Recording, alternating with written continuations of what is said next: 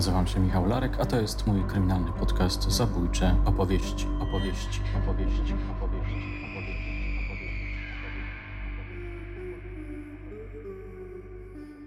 Utonął akurat w ten dzień, bo dosyć to tragiczne dla nas wszystkich przeżycie. Następnego dnia poszliśmy nad jezioro właśnie w to samo miejsce. Siedzieliśmy i wspominaliśmy tego kolegę, już było ciemno i wołaliśmy go, tak wołaliśmy, po prostu przyzywaliśmy go, tak z żalu i nagle się zrobiła taka dziwna, nienaturalna cisza i coś przez trawę sunie ku nam. Patrzymy, nic nie widać, ale trawa się rozchyla, jakieś kroki. Kroki jakieś idą, coś stanęło i, i tak, tak jakby uczucie, takie ciarki na całym ciele, jakby ktoś był. No i w tym momencie po prostu... uciekliśmy stamtąd od razu, nie?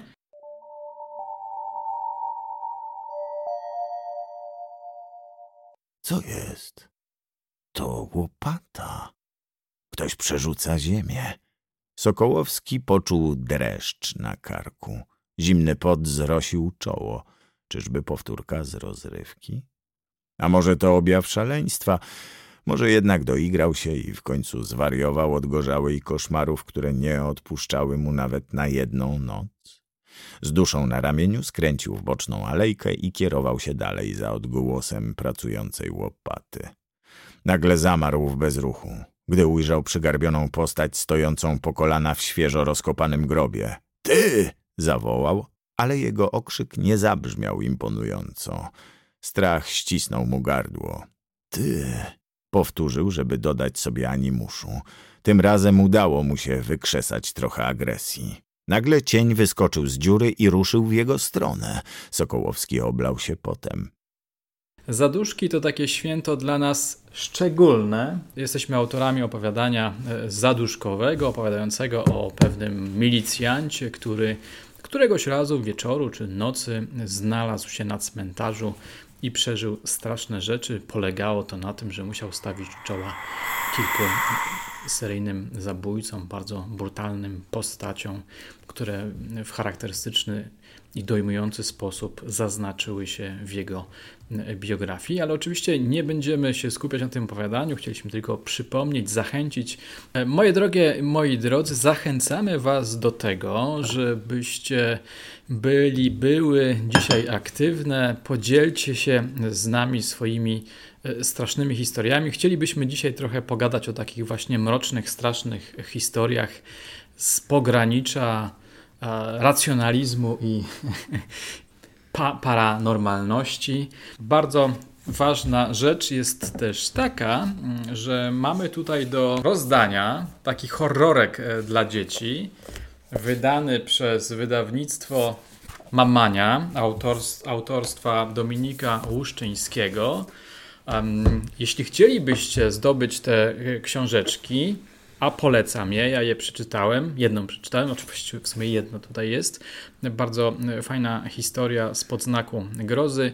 Jeśli więc chcielibyście ją zdobyć, to musicie odpowiedzieć na takie oto mm, pytanie: czego najbardziej się boicie i dlaczego? Czego i dlaczego? Najciekawsze odpowiedzi nagrodzimy właśnie tymi dwiema książkami. O, tutaj już się zgłaszają osoby, które by chciały e, zdobyć. O, to ja chcę horrorek. No to musisz sobie zasłużyć. Dokładnie, musisz opowiedzieć nam, czego się boisz. Mamy kilka pytań i od nich byśmy e, zaczęli. Zachęcamy Was do tego, żebyście zadawali pytania i właśnie dzielili się swoimi no, jakimiś opowieściami. Maćku, tutaj przedstaw pytanie Dokładnie. niejakiej Asi Czary Mary. Ciekawe, czy twój gość miał osobiste kontakty z paranormalnymi zjawiskami, duchami, czarami? Tak, to pytanie pojawiło się na grupie. Przyznam, że je e, humorystycznie zlekceważyłem, ale okazało się, że ono jest postawione jak najbardziej e, poważnie. Maćku, czy miałeś osobiste kontakty z paranormalnymi zjawiskami, duchami, czarami. Znaczy wielokrotnie miałem do czynienia, czy wielokrotnie, no parę razy w życiu zdarzało mi się zetknąć z rzeczami, które trudno racjonalnie wytłumaczyć, z pewną że tak to ujmę, obecnością, bo inaczej trudno to skwalifikować. No ale zanim do tego przejdę i opiszę te swoje doświadczenia, chciałbym tak w ramach gwoli wprowadzenia w ten właśnie zaduszkowy klimat e, tutaj do, do, do kultury naszych przodków się odwołać, mhm. gdyż jesień, ogólnie czasy zaduszkowe, e, usłowian to była pora ciemna W przeciwieństwie do pory jasnej. Pora ciemna dlatego, że jest mniej dnia, mniej słońca i według właśnie wiary naszych przodków słońce było słabsze, ciemność za, zaczynała władać nad światem i wtedy wszystkie złe moce, wszystkie upiory, złe duchy y, były o wiele bardziej aktywne. I ta ciemna pora trwa aż y, do jary godów, Aha. czyli aż do y, przesilenia wiosennego. Był to wyjątkowo nie, niebezpieczny czas, kiedy można było właśnie natknąć się na jakieś zbłąkane dusze, które mogły się do nas przystać, przyczepić i szkodzić nam w różny rozmaity sposób. Na przykład popularne upiory. Co prawda nasi e, przodkowie Słowianie wyobrażali sobie je jako e, żywe trupy sące krew, ale dzisiaj właśnie no, wielu rodzimowierców pojmuje upiory e, jak, jako dusze, które przyczepiają się do nas i czerpią z nas energię, pasożytują na nas. Aha. Bo czym właściwie są upiory? Upiory to są zazwyczaj e, dusze umarłych ludzi, ludzi, którzy często zginęli gwałtowną, niespodziewaną śmiercią. No i te upiory i ci ludzie, którzy zginęli tą właśnie gwałtowną śmiercią, nie zdają sobie sprawy z tego, że nie żyją lub z różnych powodów nie chcą odejść z tego świata. Po prostu błąkają się po tym świecie i po pewnym czasie za, za, y, zatracają tą, te swoje pierwotne ja, zapominają kim są, kim byli za życia i stają się upiorami. I aby bytować w tym świecie, muszą podczepić się pod żywiciela i czerpać z niego energię. I tacy ludzie, do którego się przyczepi taki upiór, na którym on pasażeruje, często mają różne um, złe nastroje, popadają w depresję, um, zdrowie ich szwankuje. No i jeżeli taka zła dusza się zadomowi, no to trzeba ją wygonić. Także u naszych przodków było coś takiego, może nie, nie w katolickim, chrześcijańskim, chrześcijańskim rozumieniu, ale też były egzorcyzmy, mhm. też wyganiało się złe duchy i coś takiego przeżyłem sam w swoim domu. O, ciekawe. Było coś takiego i to akurat. Um, Możesz rozwinąć? Oczywiście, oczywiście. Um, żerca wraz z żerczynią przyszli, czyli y, słowiańscy kapłani. Do ciebie do domu? Do mnie do domu. Mhm gdyż rzeczywiście od dłuższego czasu była no, taka kiepska atmosfera w domu. Ja sam miałem jakąś taką depresję, byłem od dłuższego czasu na bardzo y, podupadłem na zdrowiu i w ogóle dużo negatywnych rzeczy w domu się działo. No i najprawdopodobniej było to tak, że no kiedyś za młodu no, lubiałem po prostu po różnych dziwnych miejscach się pałętać w nocy.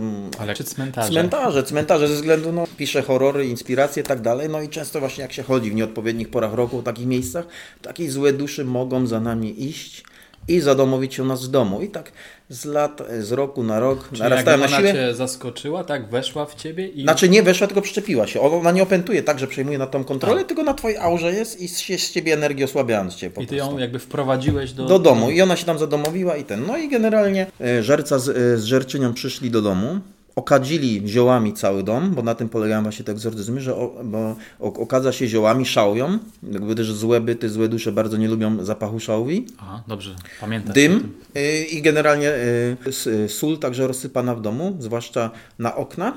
Znaczy okna w ogóle trzeba było otworzyć i na koniec rytuału je zamknąć, jak już dusza wyjdzie. No i można powiedzieć, że jak chodzili od pomieszczenia do pomieszczenia, okadzali i sypali solą, to w pewnym momencie było coś rzeczywiście takiego dziwnego, że taki huk, jakby szklanka pękła w innym pokoju. I rzeczywiście zrobiło się tak naprawdę dziwnie, że jakby coś się ruszyło i ten właśnie żerca zaczął krzykać, krzyczeć na cały dom, wy, wyganiać tam duszę i to rzeczywiście była taka, no nie wiem, czy to rzeczywiście coś tym było, czy nie, ale muszę powiedzieć, że no zrobiło to na mnie mocne wrażenie i rzeczywiście od tamtego czasu no, złe nastroje minęły, nie miałem takich problemów, nie wiem, czy to jest efekt placebo, czy nie, ale zadziałało to bardzo dobrze.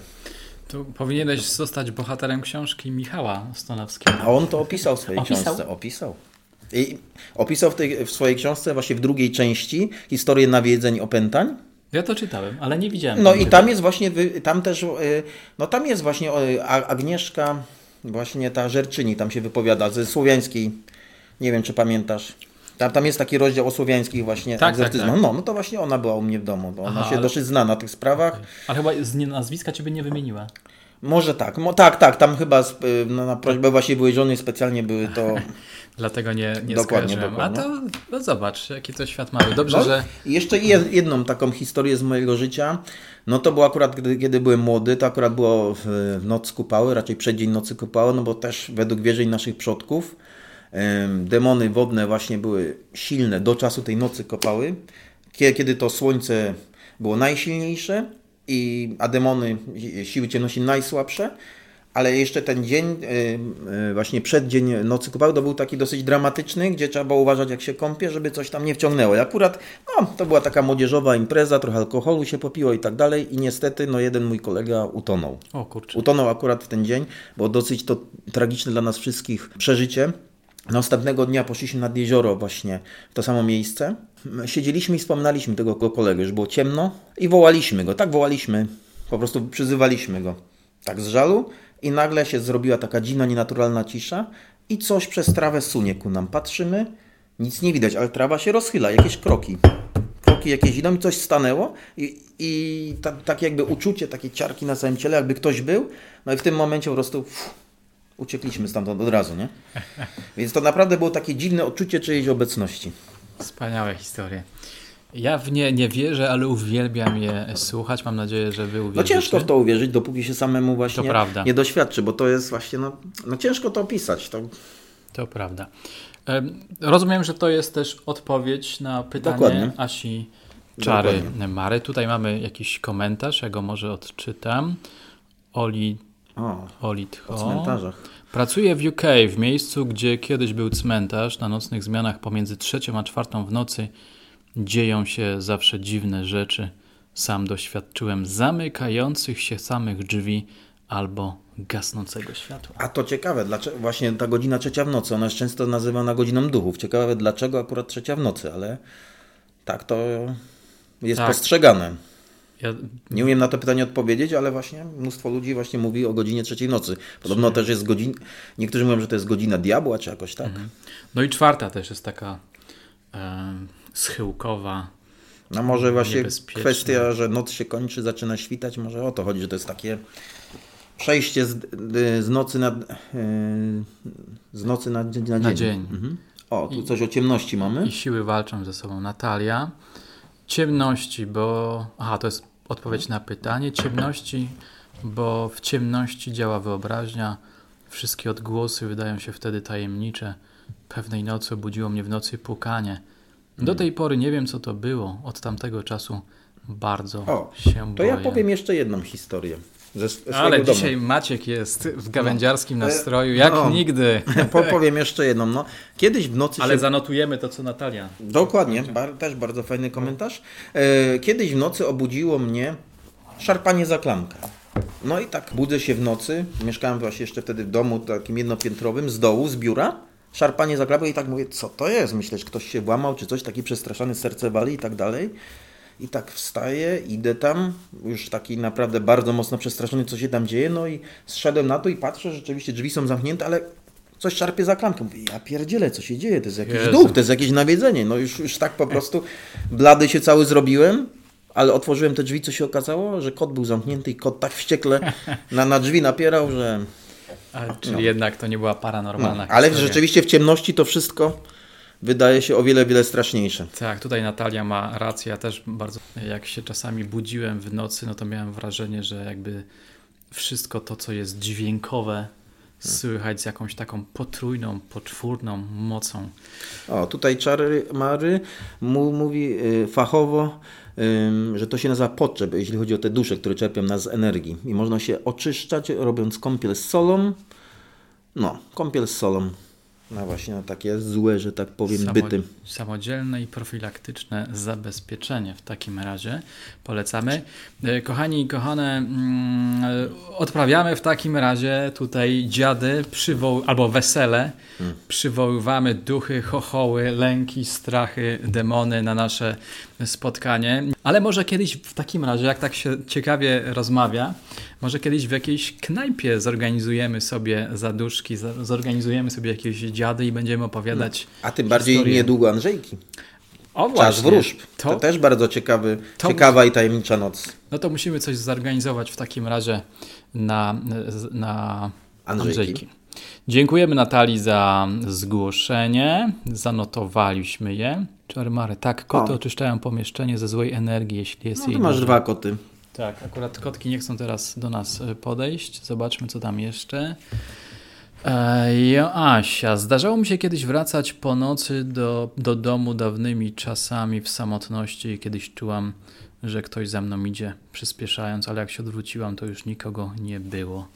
Oj, był strach. A właśnie, a może pogadam, porozmawiam jeszcze trochę o dziadach, no bo dziady w pewnym sensie, no nie tak komercyjnym, ale też to było trochę podobne święto do Halloween, chociaż bez tych wszystkich komercyjności.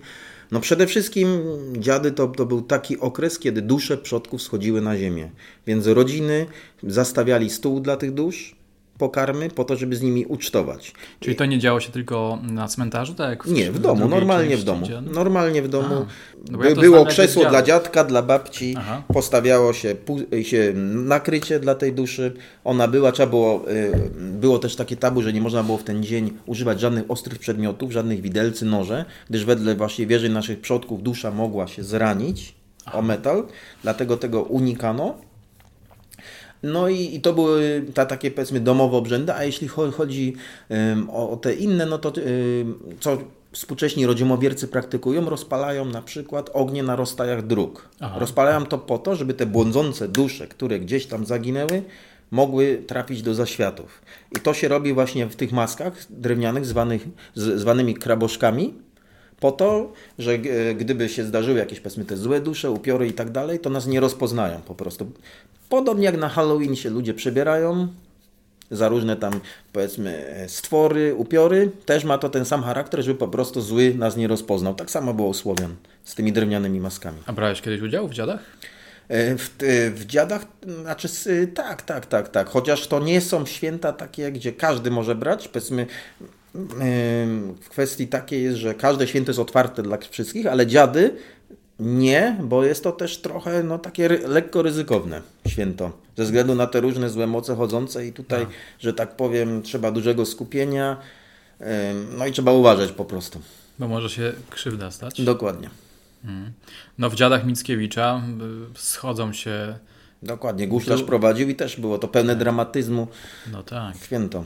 No i przy okazji jakieś nauki moralne się pojawiły. Dokładnie. I też y, jeśli chodzi o rozpalanie ognia dla dusz błądzących, to też z tego względu dzisiaj y, zapalamy znicze na grobach.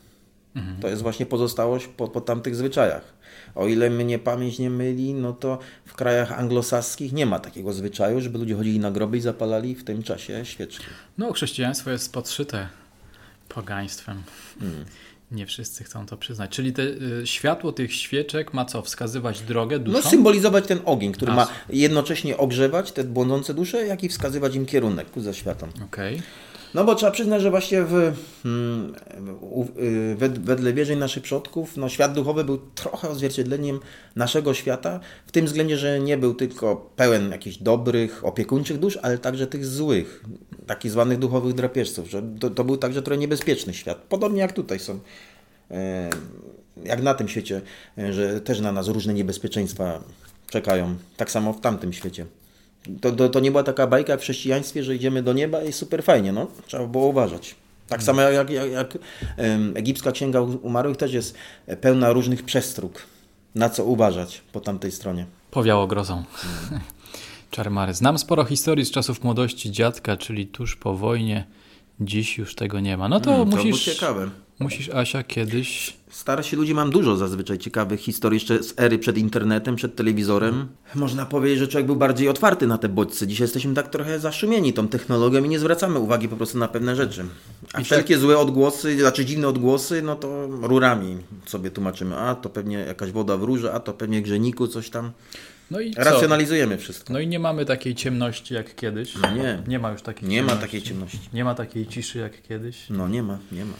Żeby czegoś takiego doświadczyć, no nie wiem. Ja Wydaje, muszę że- jechać do mojego wujka, który mieszka w lesie. Ostatnio jak odwie- Mhm. od, od, odwiozłem go wieczorową porą, to ciemność kleiła mi się do oczu. Było tak niesamowicie cicho i przestraszyłem się. I na przykład ja bym na jego miejscu nie mógł mieszkać w leśniczówce zanurzonej w ciemnym lesie, po prostu bym się bał, a dla niego to jest coś, coś normalnego. No ale właśnie, żeby te, te bodźce, o których ty mówisz, odczuć, no to trzeba by w takich okolicznościach jakby się zainstalować. Dokładnie, więc dlatego nie ma co się dziwić ludziom kiedyś, że powszechna była wiara właśnie w złe duchy, w upiory, kiedy nie było tej technologii, kiedy nie było tych świateł, no, a jesienią rzeczywiście no, można było tą grozę namacalnie bardzo odczuć wtedy, w tamtych czasach. Widzę, że tutaj Asia się bardzo rozkręciła. Pamiętajcie, kochani, że nic nie będzie miało do Was przystępu, jeśli stanowczo nie wyrazicie na to zgody, odważnie, zdecydowanie. I to jest dla mnie pocieszające, bo ja nie daję O, zgody. Tutaj Przystępu. ciekawy też a propos trzeciej w nocy. Komentarz pomiędzy trzecią a czwartą nocy jest też duża umieralność. O, To o tym nie słyszałem. to Ciekawe. Też nie słyszałem, można by kiedyś to sprawdzić. Stella Karalis, pozdrawiam, pozdrawiamy również.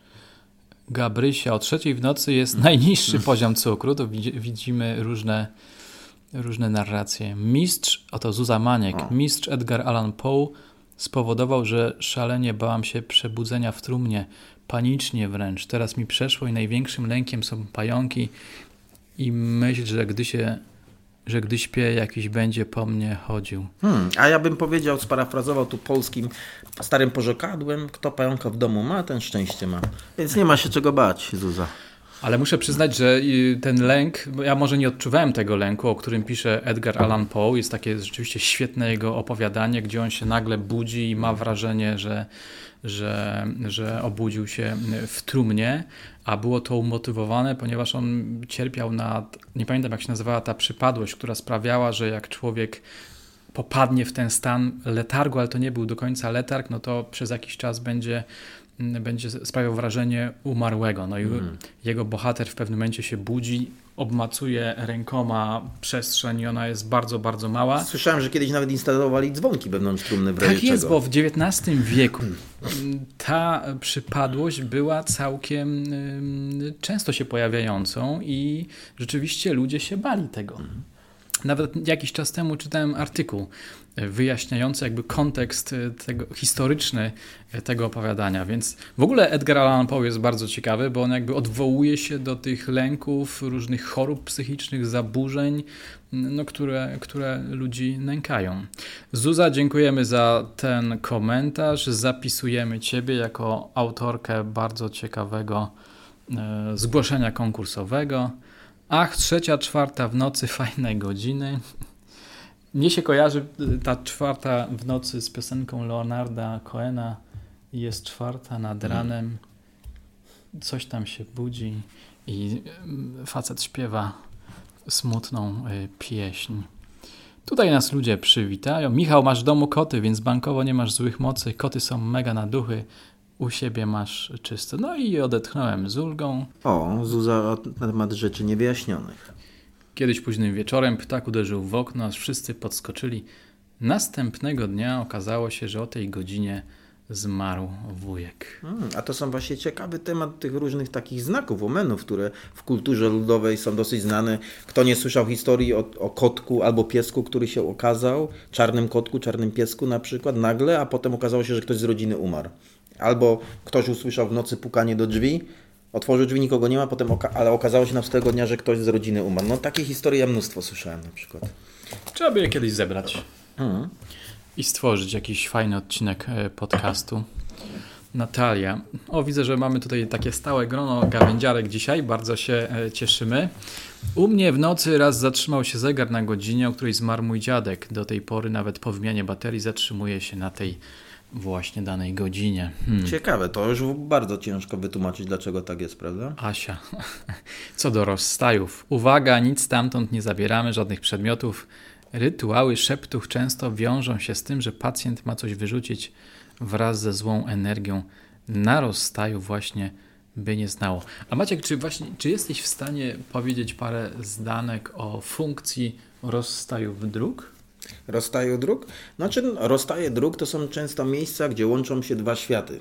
Aha. Rozstaje dróg są często też w formie krzyża, czyli y, magicznego symbolu. Ale głównie chodzi tu o granice światów, rozstaje dróg. Dwie drogi się krzyżują, dwa światy. Świat nasz, świat tamten. Dlatego to są takie szczególne miejsca. Asia, czego się boję? W zależności od etapu życia, dziś jeszcze nie boję się śmierci, nie będę oryginalna, najbardziej boję się samotności. Wizja starej, samotnej wiedźmy oswajam, ale boję się szalenie. No tak, jeżeli chodzi o śmierć, to jest bardzo silny atawistyczny lęk, mi się wydaje, no, że przynajmniej większość z nas odczuwa dosyć silny lęk przed tą śmiercią. Kwestia tego, czy coś po tej śmierci jest, czy nie, no to myślę, że na osobny ten byś się nadawało, bo tych relacji takich też trochę jest, też trochę słyszałem w życiu. Tak, ja planuję y, zrobić odcinek live, ale też odcinek o lękach, więc to jest jak najbardziej y, ciekawy wątek. Mam tutaj maila od Magdy, która wysłała nam kilka pytań, mhm. więc teraz skierujemy naszą uwagę na tego y, maila. Magda wita nas serdecznie i życzy nam udanych i mrocznych pogaduszek. No, wydaje mi się, że to rzeczywiście są udane i mroczne, i mroczne e, pogaduszki. Zacznę może od końca, bo tutaj się pojawia pytanie do ciebie. Chciałbym być grzecznym e, gospodarzem tego live'a i nie zaczynać od siebie. Czy kiedykolwiek przydarzyło się panu coś, czego nie potrafi pan wyjaśnić? Panie Macieju. Znaczy już o tych dwóch rzeczach wspomniałem, których, ale powiem jeszcze o jednym. Mhm. No za czasów studenckich y, pojechaliśmy do Zielonki pod Warszawą z kolegami. Odwiedzić koleżanki. A że koleżanki, no wszyscy byliśmy jeszcze takimi nastolatkami, nie mogliśmy tam u nich spać, więc rozbiliśmy się przy Glinka, przy takich stawach na dziko. Tak się stało, że gdy poszliśmy na imprezę, jak wróciliśmy, ukradli nam namioty. No i nie mieliśmy się gdzie podziać. Więc szukaliśmy miejsca, gdzie moglibyśmy się podziać, no i znaleźliśmy taką starą budowę i tam się rozłożyliśmy materacami, no ale pech chciał, że byli tam jacyś pracownicy e, ze wschodu, Rosjanie, karki takie, i, jak, I przyszli i zaczęli nas oskarżać, że kradniemy z tej budowy, nie? że co wy tu robicie, wy na pewno kradniemy. Tam mówiliśmy, że nie, jesteśmy studentami, że nam ukradli namiot, że chcemy, chcemy się tylko przespać. Mhm. No i tłumaczyliśmy się, tłumaczyliśmy, a oni nas otoczyli i powiedzieli, no to chodźcie, pokażemy wam miejsce, gdzie nie ma komarów, gdzie możecie się spokojnie ten e, przespać, nie? gdzie nie będą was nękać komary. No to wstaliśmy, idziemy, idziemy, ale patrzymy, że idziemy do lasu, nie? No to zaczęliśmy już, lampka czerwona się zapaliła, o kurczę, nie wiadomo co nam zrobią w tym lesie. No idziemy, idziemy i nagle zaczęliśmy uciekać przed nimi i tam w, to, w tą zielonkę, w to miasteczko, tam ulicami. No i nie wiedzieliśmy gdzie się skryć, więc jedyne miejsce takim bezpiecznym, które nam się wydawał, był cmentarz. Więc schowaliśmy się na cmentarzu. No i na tym cmentarzu spaliśmy pośród grobów. No i ogrzewaliśmy się z niczami, bo było zimno już w nocy. No i podczas właśnie tej nocy, kiedy spaliśmy, bardzo zresztą niespokojnej, kolega cały czas miał koszmary, budził się, krzyczał.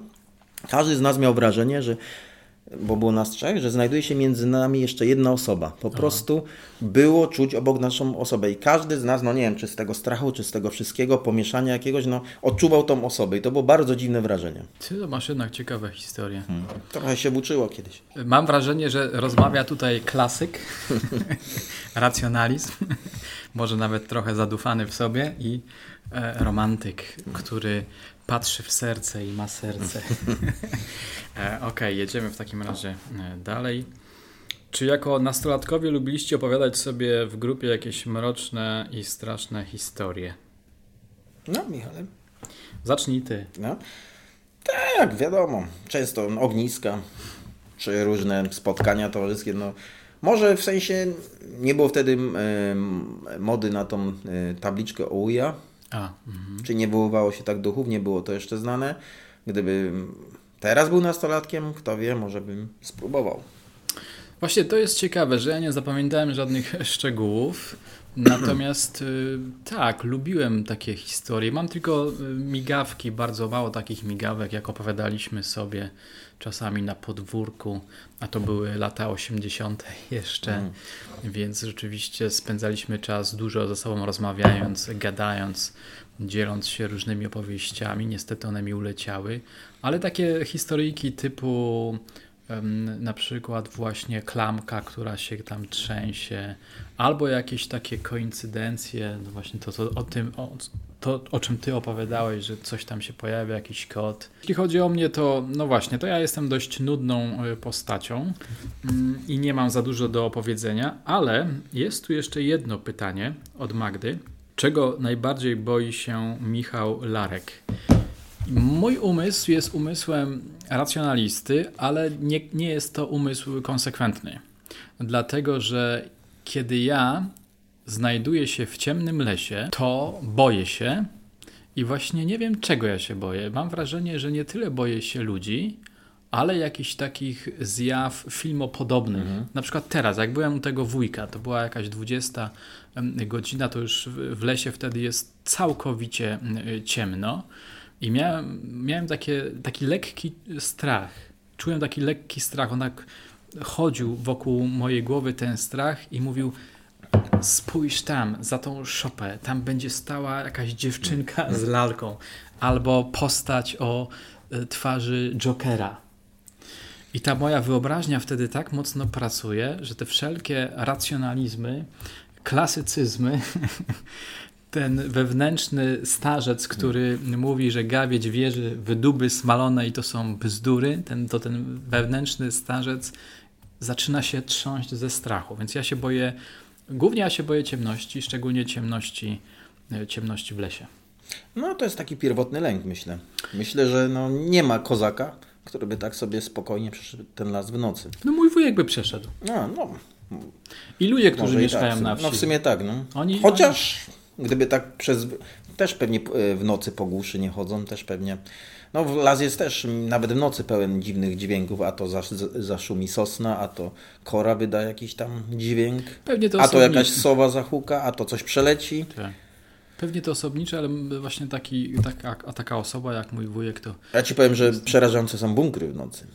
To nie byłem. Zdarzyło mi się chodzić też, no to Aha. spaliśmy na dziko przy bunkrach przy Wale Pomorskim, no i tam chodziliśmy w nocy, no to muszę powiedzieć, że takie klaustrofobiczne i dosyć też mroczne miejsce. Oświetlasz latarką, a tam daleko powiedzmy, na końcu korytarza nie wiadomo co się kryje, prawda? I No to tak. takie, no, dosyć mroczne miejsce muszę powiedzieć. A propos tych lęków, e, mojego lęku, mm, też to jest związane z ciemnością. Jak kiedyś jako nastolatek często jeździłem do mojego wujka i tam jeszcze mieszkała babcia i, i dziadek do Bytynia. Czasami na, e, na Instagramie, na stories możecie zobaczyć jakieś fotki właśnie z tego miejsca, ale nigdy nie robię tego wieczorem, bo właściwie nigdy tam już nie zostaję na, na, na noc. Mm, To wtedy, jak mm, przerażony byłem, czy bałem się tej, tych ciemności, podchodziłem do płotu i stanąłem, stawałem przed ścianą lasu, no to właśnie wtedy czułem jakieś takie napięcie, strach. I wyobrażałem sobie piekło. Nie wiem, czy kiedyś sobie, czy czasami sobie wyobrażasz piekło. Ja wtedy jako nastolatek wyobrażałem sobie raz po raz piekło i moje wyobrażenie polegało na tym, że umierasz, czyli budzisz się, Jesteś w środku wielkiego, przepastnego, niekończącego się lasu, pogrążonego w ciemnościach, który to las jest wypełniany przez jakieś różne dźwięki. Nie te wszystkie tortury, katusze, które opisuje Dante w piekle, tylko właśnie ten stan bycia w lesie pogrążonym w ciemnościach i niemożność wyjścia z tego lasu. No, jeśli chodzi o piekło, no to już Swedenborg, y, szwedzki mistyk, pisał o różnych poziomach piekła. O różnych, że tak powiem, levelach, w których dusza się- się zbłąkała. I na przykład to jest ciekawa sprawa, ale kiedyś właśnie śniło mi się, że byłem w piekle, taki miałem dziwny sen. No i w tym, piek- na, w tym piekle, jak chodziłem, była taka jakby wioska z takimi drewnianymi chatkami. Aha. Jak się wchodziło do tej e, chatki, to kotłowały się dusze między sobą. One, takie wielkie kłębowisko różnych złych dusz, które przenikały przez siebie i jak one przez siebie przenikały, to było można odczuć takiej, taką złość, taką agresję, co, co, coś takiego złego, ale przyjemnego. Ta, takie po prostu wyładowały się te takie negatywne energie, one tak w siebie uderzały i się tak nasycały tą złą energią. No i ciekawe właśnie kiedyś później, tam rok, dwa później kupiłem sobie właśnie tą książkę Historię piekła. Tam były różne koncepcje piekła od czasów najdawniejszych po współczesne i właśnie tam był opisany ten szwedzki mistyk Emanuel Swedenborg, e, który też był jasnowidzem. No i on właśnie opisując piekło opisał dokładnie to, co mi się śniło. Dokładnie to samo miejsce, gdzie te dusze się kłębiły i to muszę powiedzieć, że no, ba bardzo ciekawy zbieg okoliczności. To Że jakiś taki może jest archetyp kulturowy. może jest archetyp kulturowy. No i dlatego piekło może być różne. Nie wiem właśnie w, w której Może to kulturze, to czy to, to... czego się boimy najbardziej. Może i tak, bo piekło nie musi być gorące, piekło też jest zimne. No właśnie. To chyba właśnie, yy, Piekło nie wiem czy w japońskiej kulturze, czy gdzieś właśnie jest bardzo zimne piekło. Chyba w japońskiej jest te... Znaczy To tych piekieł jest różne, na przykład u Maju Czastego tych piekieł też było bardzo dużo różnych. No, ale jeśli chodzi o te przerażające miejsca, ja myślę, że bardziej jak lasy nocą boję się domów jakichś takich starych. Aha. Domów właśnie, w których nie wiadomo co się czai, które może się czaić coś złego. Często jak mam koszmary, to śnią mi się właśnie złe domy. I znowu Edgar Allan Poe się e, kłania, no bo Mm. on opisywał takie zamczyska, takie jakieś zamczyska, pałace, zagłada domu Asherów na przykład. O, no teraz będzie serial na Netflixie. Jest już. Jest już, no, to jestem tego ciekawy. Niezła historia bym chyba zwariowała, która historia? to nie wiem do której to. Trochę tych historii dzisiaj O, do której to Asia historii nawiązujesz. Hmm. Też kiedyś spałem na cmentarzu. Pleciugowo pisze. O. O, jak, jak wrażenia? Możemy, No dokładnie. prosimy o rozwinięcie tematu. Asia, ja też jestem racjonalistką, ochrona nie zaszkodzi, ale ogólnie sceptycznie nastawiona. Lecz najfajniejszy, las najfajniejszy jak widno, ale wieczorem dzięki za las. No właśnie. E, Karolina, do takich widoków, dźwięków chyba można się przyzwyczaić. Wiele czasu spędziłam w ciemnej wsi jako dziecko i teraz właśnie chodzę po łąkach z psem, nie czuję większego lęku. No właśnie, o to, o to mi chodziło. Tylko, że w, ciemniejsi, w, w lesie czasami lubią mi się zbiegowie kryć. To jest najgorsze, prawda? Jak ostatnio w Gdańsku ten, y, co znaleźli go w stawie. No właśnie, Borys, prawda? No to też Ale podobno tam sobie całą swoją jakąś tą bazę zbudował, nie? Jeśli to prawda oczywiście, nie? Że miał tam jakieś podziemne tunele w tym lesie, jakąś broń zgromadzoną. tunele chyba nie, jak, jakąś ziemiankę Czyli, no ale coś tam miał, jakieś przekopy. Tak, ale właśnie my tutaj raczej mówimy o takich lękach, które no, są nieracjonalne. No tak, tak, dokładnie, dokładnie.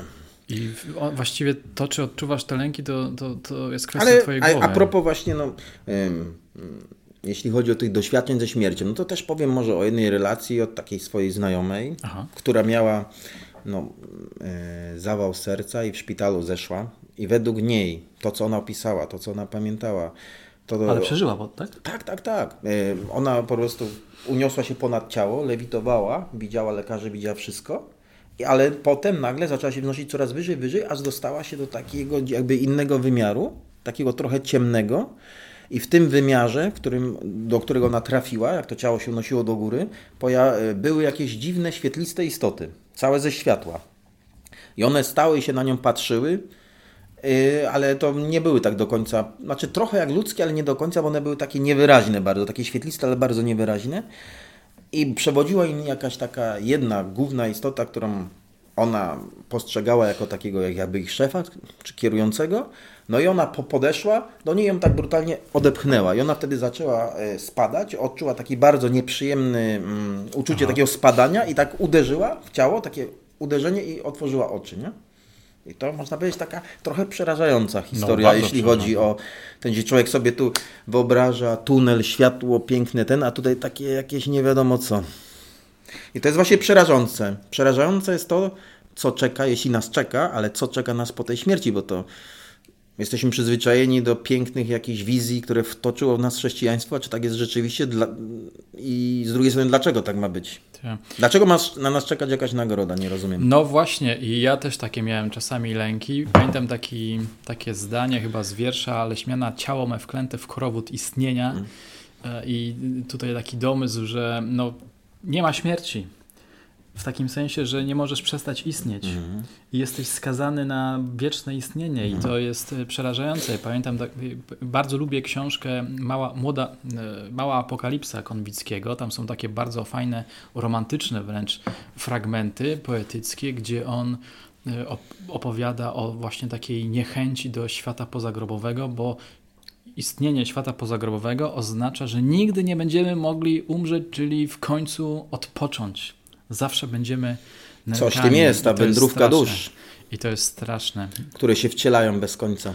Tak. No i na szczęście zapominają o swoich poprzednich wcieleniach, bo tak by można zwariować. No i, no i tak, i to jest, to, to jest, to jest ten, ten bezpiecznik. No, bezpiecznie, dokładnie. Amnezja. Można sobie to przypomnieć podczas regresji hipnotycznej.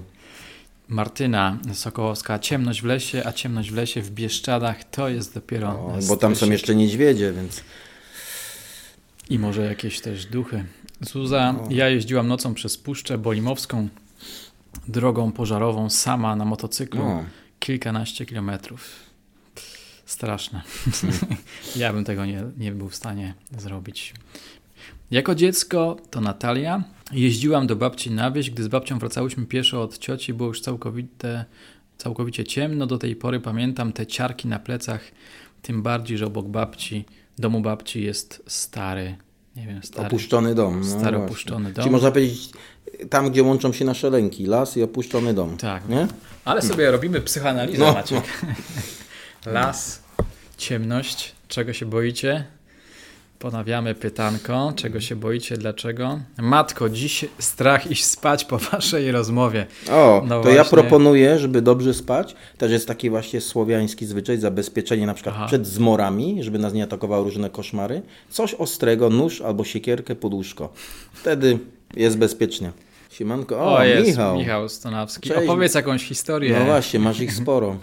Historia pana Macieja o tym spaniu na cmentarzu. Magda Biel. Uwielbiam stare domy, jak również opuszczone dwory i pałace. Na szczęście nigdy w takim miejscu nie czułam złej energii. A czy nocowałaś kiedyś w takim starym, opuszczonym domu? Fajnie jest zwiedzać, też lubię odwiedzać opuszczone pałace, no ale żeby tam przenocować, no to byłoby rzeczywiście dosyć hardkorowe przeżycie, myślę. Teraz sezon na czosnek. To wampiry na mnie straszne. Sezon na czosnek? O, proszę. Najgorsze koszmary, śmierć moich dzieci na moich No, oczach. no to tak. I gdy już myślami był w domu i kładł się do łóżka, nagle drogę przeciął mu jakiś mężczyzna prowadzący za rękę małego chłopczyka. Sokołowski stanął jak wryty, spojrzał w kierunku oddalających się postaci i wtedy przypomniał sobie tamten ponury jesienny dzień. Nie mógł pozwolić, by to się znów powtórzyło. O nie, nie, historia nie może zatoczyć koła. Ruszył za nimi. Śledząc trasę ich marszu, chłopiec był niespokojny, chyba popłakiwał, lecz typ w ciemnym płaszczu mocno ściskał go za rękę i nie zważał na jego protesty. Prowadził go w stronę lasku na skraju cmentarza. Stary szkieł poczuł niepokój. To ja wykorzystam teraz e, e, chwilę i powiem, jaka by nie najciekawsza, jaka mm, historia trukrajmowa, Mhm. zaduszkowa wydaje się e, najciekawszą historią. Nie wiem, czy kojarzysz. E, Historię, która się wyda wydarzyła w 1969 roku Mhm. e, w takiej miejscowości Rzepin. A mów dalej, mów Świętokrzyskie. dalej, mów dalej. Może. Wyobraźcie sobie, niektórzy pewnie z całą pewnością, niektórzy z Was kojarzą tę historię, a mnie się wydaje, że w takim ogólnym zarysie ona powinna dzisiaj wybrzmieć, bo ona miała miejsce y, w Zaduszkach. Wyobraźcie sobie właśnie jakąś taką wieś, jest już zapewne ciemno, jesteśmy w domu, wydaje mi się, że to mógł być dom y, zaniedbany, jest y, duża rodzina, a siedzą sobie członkowie rodziny przy stole, Mm, Na zewnątrz jest wiatr, duży wiatr, jest zimno, ciemno.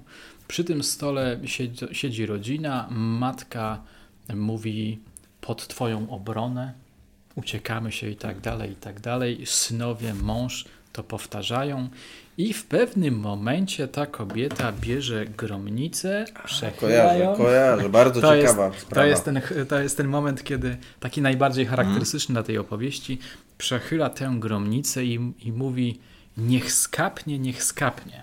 Już nie pamiętam, czy padło wtedy nazwisko rodziny, którą Chyba tak. ta ekipa tego właśnie wieczoru poszła e, zamordować. E, Rodzina, to, to, ta rodzina, która e, chciała zamordować, nazywała się Zakrzewscy, a ta, którą chcieli zamordować, nazywała się Lipowie i ci Lipowie podpadli i im tam były jakieś takie względy finansowe. Nie będę teraz wchodził w szczegóły, chociaż dzisiaj sobie podczytywałem o tym, więc ci opuścili tę, tę chatę. Jeden chyba z synów y, miał pewne opory, no ale ojciec, który był taką postacią autorytarną, przemocową i tak dalej, i tak dalej, kazał jednak wykonać tę operację i oni weszli do tego domu, wymordowali całą rodzinę, y, potem ją spalili niemalże doszczętnie. No i na drugi dzień milicja wynosiła te ciała no i zaczęła prowadzić, okol... zaczęła prowadzić czynności. Szybko dosz, do, doszli do, do, do prawdziwych sprawców. Okazało się, że to jest taka rodzina. Powiedzieć że dysfunkcyjna to niewiele powiedzieć, to stare, takie szowinistyczne powiedzmy słowo, czy niekulturalne, patologiczna też może nie jest y, najbardziej adekwatnym y, słowem. Była to rodzina morderców, ponieważ oni wcześniej przynajmniej chyba ze dwie, trzy osoby zamordowali. Ten ojciec zdaje się doprowadził jednego ze swoich synów do kalectwa, jak powiedziałem, był taką bardzo autorytarną postacią. Co ciekawe, byli to analfabeci, skrajnie opóźnieni w rozwoju i tak dalej, i tak dalej. No i w 72 roku, poza tym najmłodszym chyba Adamem, cała ta ekipa morderców zawisnęła. No a właśnie wszystko działo się w zaduszki. No i ten moment, ten motyw z tą gromnicą przechyloną. Taki jakby obrzęd ciekawy, nie? Taki obrzęd, Ciekawa zobacz, sprawa. z jednej strony modlitwa mhm. chrześcijańska. a z drugiej nacechowana negatywnie. I takim, taką, takim pogaństwem, no nie wiem. No, jakiś takim. przeżytek, dokładnie, dokładnie tak. Więc niesamowita historia. Dzisiaj sobie nawet czytałem y, Słowo Ludu z, z 70 chyba pierwszego roku. Tam są bardzo ciekawe opisy y, procesu. Oni tam płakali, mówili jakieś dziwne rzeczy, nonsensy, nie potrafili się wypowiedzieć, hmm. zaprzeczali sobie. Hmm. Niesamowita historia. Paranoja. No, Histeria tak. wręcz. Tak, tak, tak. Mhm. Okej, okay. więc po śmierci myślę, że staniemy się po prostu energią. Ja mam zamiar w tej formie zwiedzić cały świat z Meksykiem na czele. O ile nas nie wypchnie zupełnie do innego wymiaru. I A za... na przykład Celtowie mieli fa fajne, mm, ciekawe wierzenie na temat życia pozagrobowego. Otóż wedle nich człowiek po śmierci dostawał się do tamtego świata, gdzie również był śmiertelny, w tamtym świecie przeżywał tym pozagrobowym całe swoje życie, umierał, znowu dostawał się do naszego świata, żył i znowu taka ósemka. Cały czas ta dusza krążyła pomiędzy jednym a drugim światem. Ciekawe, nie? No bardzo ciekawe. Niesamowita jest ludzka kulturowa wyobraźnia, która tak właśnie operuje wyobrażeniami o zaświatach. No, można powiedzieć, że jest to bardzo różnorodna jest ta nasza kultura, kultura e, no, różnych, że, że tak powiem, nacji, różnych etnosów i nic nas już nie zaskoczy na tym świecie. A propos jeszcze o takich strasznych, nawiedzonych miejsc, no to było w Poznaniu kiedyś taka ciekawa instalacja, natomiast to było mniej więcej gdzieś w okolicach Puszczy Zielonka. Aha. Nie wiem, czy słyszałeś, takie drzewo nie, nie. W, lesie, przy takim wąwóz babice to chyba się nazywało, które ktoś y, w całości y, pokrył czaszkami zwierząt. Po prostu całe drzewo było w, w czaszkach zwierząt. Tak. No. I to robiło rzeczywiście upiorne, Ale to upiorne wrażenie. Ktoś anonimowo to zrobił? Tak, ktoś anonimowo to zrobił. Całe po prostu drzewo było w czaszkach różnych zwierząt. Niesamowite. No i naprawdę to upiorne miejsce i później już to drzewo jakby się doczekało no, tak, taki, takiego dosyć, takiej dosyć złej sławy, że jest to miejsce nawiedzone, że przyciąga złe moce, że jak, jakaś brama do, do piekła, coś takie, mnóstwo takich różnych historii zaczęło krążyć. Chciałem nawet to miejsce zobaczyć, ale okazało się, że nie wiadomo dlaczego ta osoba, która tą instalację zrobiła, rozebrała to wszystko. Już nie ma tej atrakcji osobliwej. Może przestraszyła się. No, może, może po prostu może co innego chciała osiągnąć. Może tak. A dlaczego mielibyśmy odpoczywać? Wszystko postrzegamy naszymi ograniczonymi ludzkimi doznaniami i rozumieniem tylko na podstawie tego, co tego, tego życia. życia. Miejmy nadzieję, że będzie lepiej. No ja chcę odpocząć. Miejmy nadzieję, pewnie. Jak to mówią, wyśpisz się po śmierci? o Zakrzewskich ostatnio słuchałem podcast. Mój strach, mówi Gabrysia, pisze Gabrysia, jest pewnie dość powszechny, ale kiedy jedziemy gdzieś z mężem samochodem bez dzieci, że zginiemy w wypadku oboje. Kolejne zgłoszenie, mamy już dużo zgłoszeń, trzeba będzie jakoś wybrać. Oj, bardzo ciężko będzie. Zapiszę, mamy cztery takie konkretne. Nie znałem tej historii. Tej o Zakrzewskich, a to, to taka sztandarowa bym powiedział. Rysuję nocą tak, ja nie mam męża, ale staram się wszędzie z dziećmi. Sama też się boję, że nie wrócę. To ja nie wierzę w te celtyckie, bo non-stop coś do przerabiania w tych życiach idzie się zajechać. Hmm. Polecam książki, audiobooki Michała Stonawskiego, paranormalne, mnóstwo niesamowitych historii. Druga część już na Storytel też o, polecamy. polecam Michała również. Ty miałeś y, okazję, przyjemność Michała spotkać osobiście, prawda? Tak jest, więc jeśli chodzi o Michała Stonawskiego, to zapraszam na mój kanał, gdzie możecie wysłuchać dwóch rozmów dłuższej, cześć Lusia, dłuższej i krótszej z Michałem. Opowiadamy tam sobie różne historie. Znaczy on opowiada, ja go wysłuchuję. to dalej nie mogę wytłumaczyć sytuacji, która się wydarzyła później, kiedy e, ten duch był odsyłany i ja poczułem, jak temperatura gwałtownie się zmienia, nie? Jak e, z bardzo chłodnego, z chłodnych powiewów i jakby to był po prostu atmosfery, nie? Było po prostu zimno. A mi nie jest zimno zwykle, nie? To, to jest inna sprawa, że ja po prostu, y, moja idealna temperatura to jest pomiędzy minus 5 a maksymalnie plus 10. Powyżej tej temperatury zaczynam się pocić, w ogóle jest mi niedobrze i tak dalej. Więc było mi zimno. Nie tylko mi, tam wszyscy byli troszkę zakutani w, w, w jakieś bluzy i tak dalej. I w momencie odprawienia tej modlitwy, kiedy medium powiedział, że, że to już się stało, to już się właśnie dzieje, to yy, no ja poczułem jakby z, nie wiem, z minus 10 zrobiło się plus 20.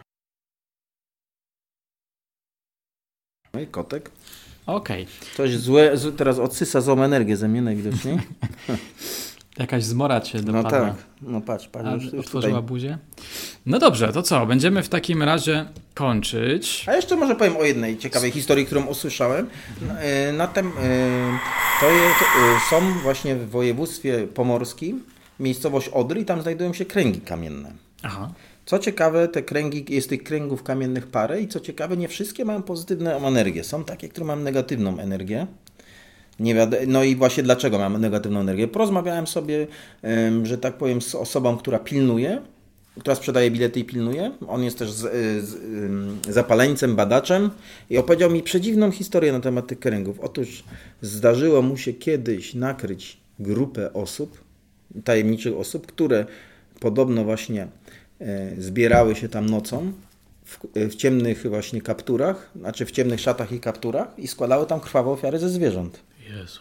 I to jest taka dziwna historia, że takie rzeczy dzieją się naprawdę, że są jacyś ludzie nie wiadomo skąd, zbierają się nie wiadomo skąd i mordują zwierzęta, odprawiając jakieś dziwne rytuały. Kiedy to było? No to było parę lat temu. Czyli teraz jakoś no, wcześniej. No, no, znaczy parę no parę, no 8, 10 może coś takiego, bo ja bo wtedy byłem i słyszałem tą historię i się podobno od chwili, kiedy tą, ta ofiara krwawa została tam złożona, no to ten krąg jakby przejął negatywną energię. Że zepsuło się tam, że tak powiem, ale to jest ciekawe, bo wydaje nam się, że sataniści, coś takiego, to tylko bajki, nie ma czegoś takiego, no ale ludzie są, no, my badamy seryjnych morderców, to wiemy, że ludzie mają różne odchyły i można powiedzieć, wszystkiego można się spodziewać, nie? No ja miałem podcast przecież e, osiem, o historii z 86 roku w Jarocinie została odprawiona czarna msza, w ramach której został wypatroszony, wypatroszony mm, pies. Hmm. To było wtedy, kiedy trwał koncert w Jarocinie i rozmawiałem z mamą y, takiej mojej dobrej koleżanki, słuchaczki. Mm, I ona, mi, ona szła ze swoim chłopakiem, jakoś tak bladym świtem i widziała resztki, widziała trumnę. Hmm. Nie wiem, czy psa widziała. Głośna sprawa. Oskarżyli pod, podobno Romek, Roman Staszewski, e, nie Staszewski, Kostrzewski? tylko Kostrzewski z Kata miał, miał problemy, bo oni wtedy występowali. Tak, ale on się odżegnywał od wszystkich tych sytuacji tak. stanowczo potępiał wszystkie takie akcje. On był tak zwanym, e, bo satanizm siedzieli na teistyczny, racjonalistyczny, a był satanistą właśnie racjonalistycznym, czyli bardziej takim symbolicznym. Czyli szatan jest symbolem, a bardziej jest, był ateistą. Tak. A szatana tylko jako symbolu używał. No, takie, takie poetyckie rozprawy z chrześcijaństwem prowadził. Dokładnie tak, Miciński i te sprawy. Był fajny podcast z Michałem Stanawskim. No właśnie, zachęcam, przypominam. Magda, najbardziej boję się tego, że mogłabym kogoś nieświadomie skrzywdzić w wyniku jakiejś choroby, zaburzeń świadomości, osobowości, czy podczas... No, to jest też ciekawe. Maciek, kogo my tutaj nagrodzimy? Ja już hmm. się boję. To jest ciekawe, nie? Właśnie stracić nad samą kontrolę. Czyli hmm. można powiedzieć kwestia tego pętania, kiedy nie wiesz co robisz, kiedy coś przejmuje nad tą kontrolę. To jest straszna świadomość w sumie. No tak. Że zrobisz coś złego, nie masz nad sobą żadnej kontroli. Coś kieruje tobą.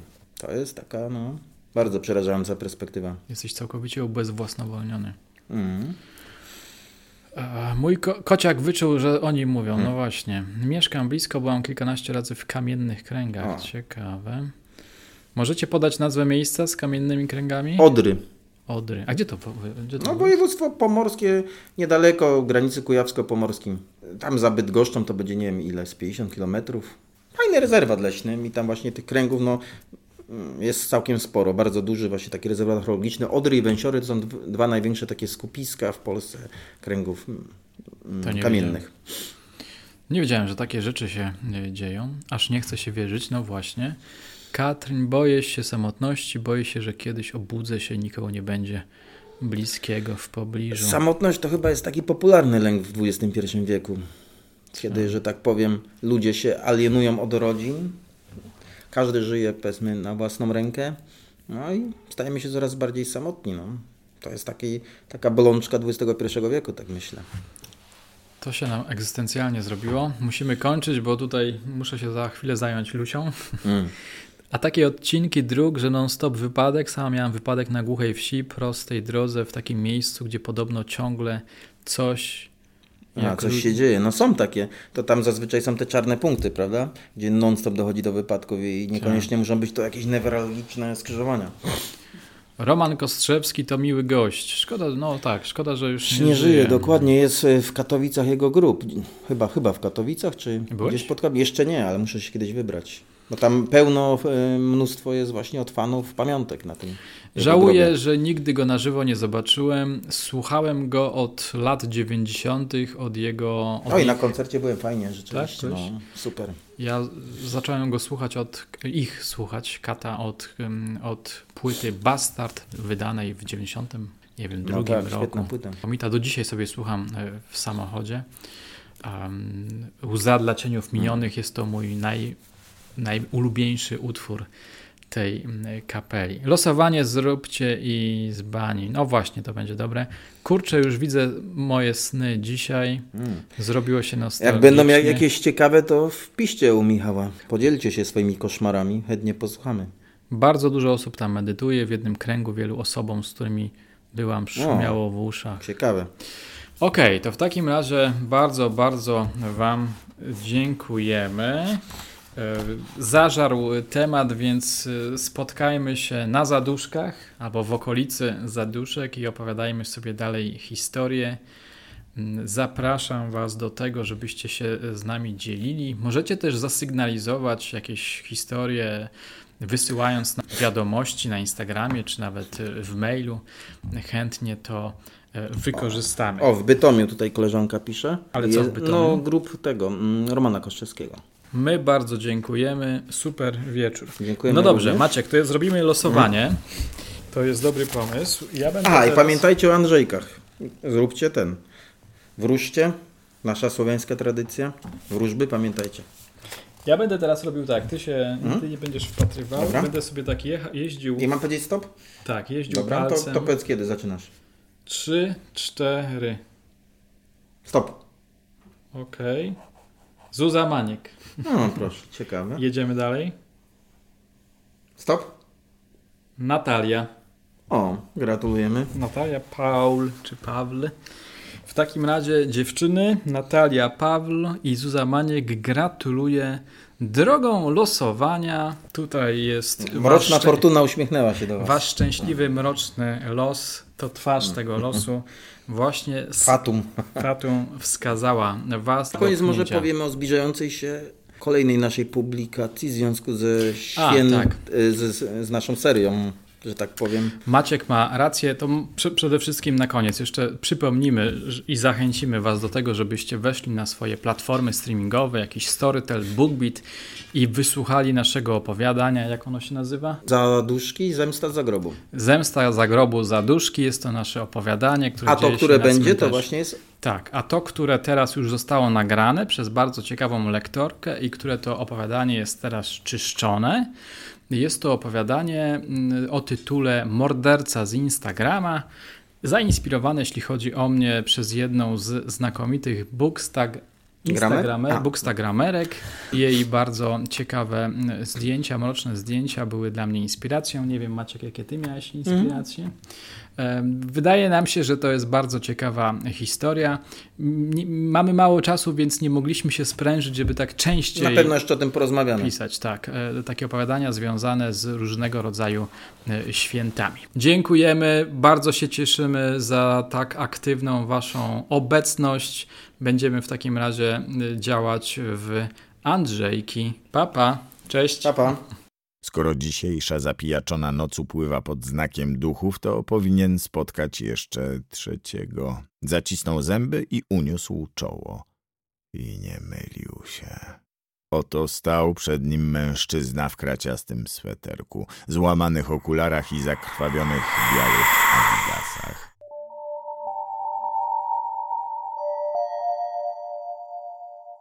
Moje drogie, moi drodzy, mam nadzieję, że ten zaduszkowy live przypadł Wam do gustu. Przy okazji zachęcam Was do tego, żebyście śledzili mój profil Instagramowy.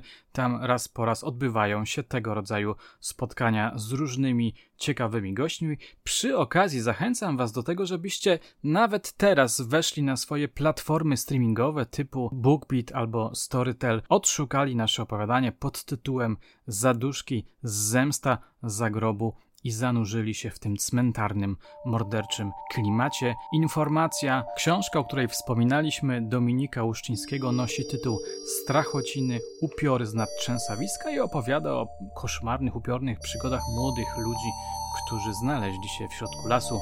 Książka świetnie wpisała się w te nasze opowieści o lękach związanych właśnie z lasem. Na dzisiaj to wszystko.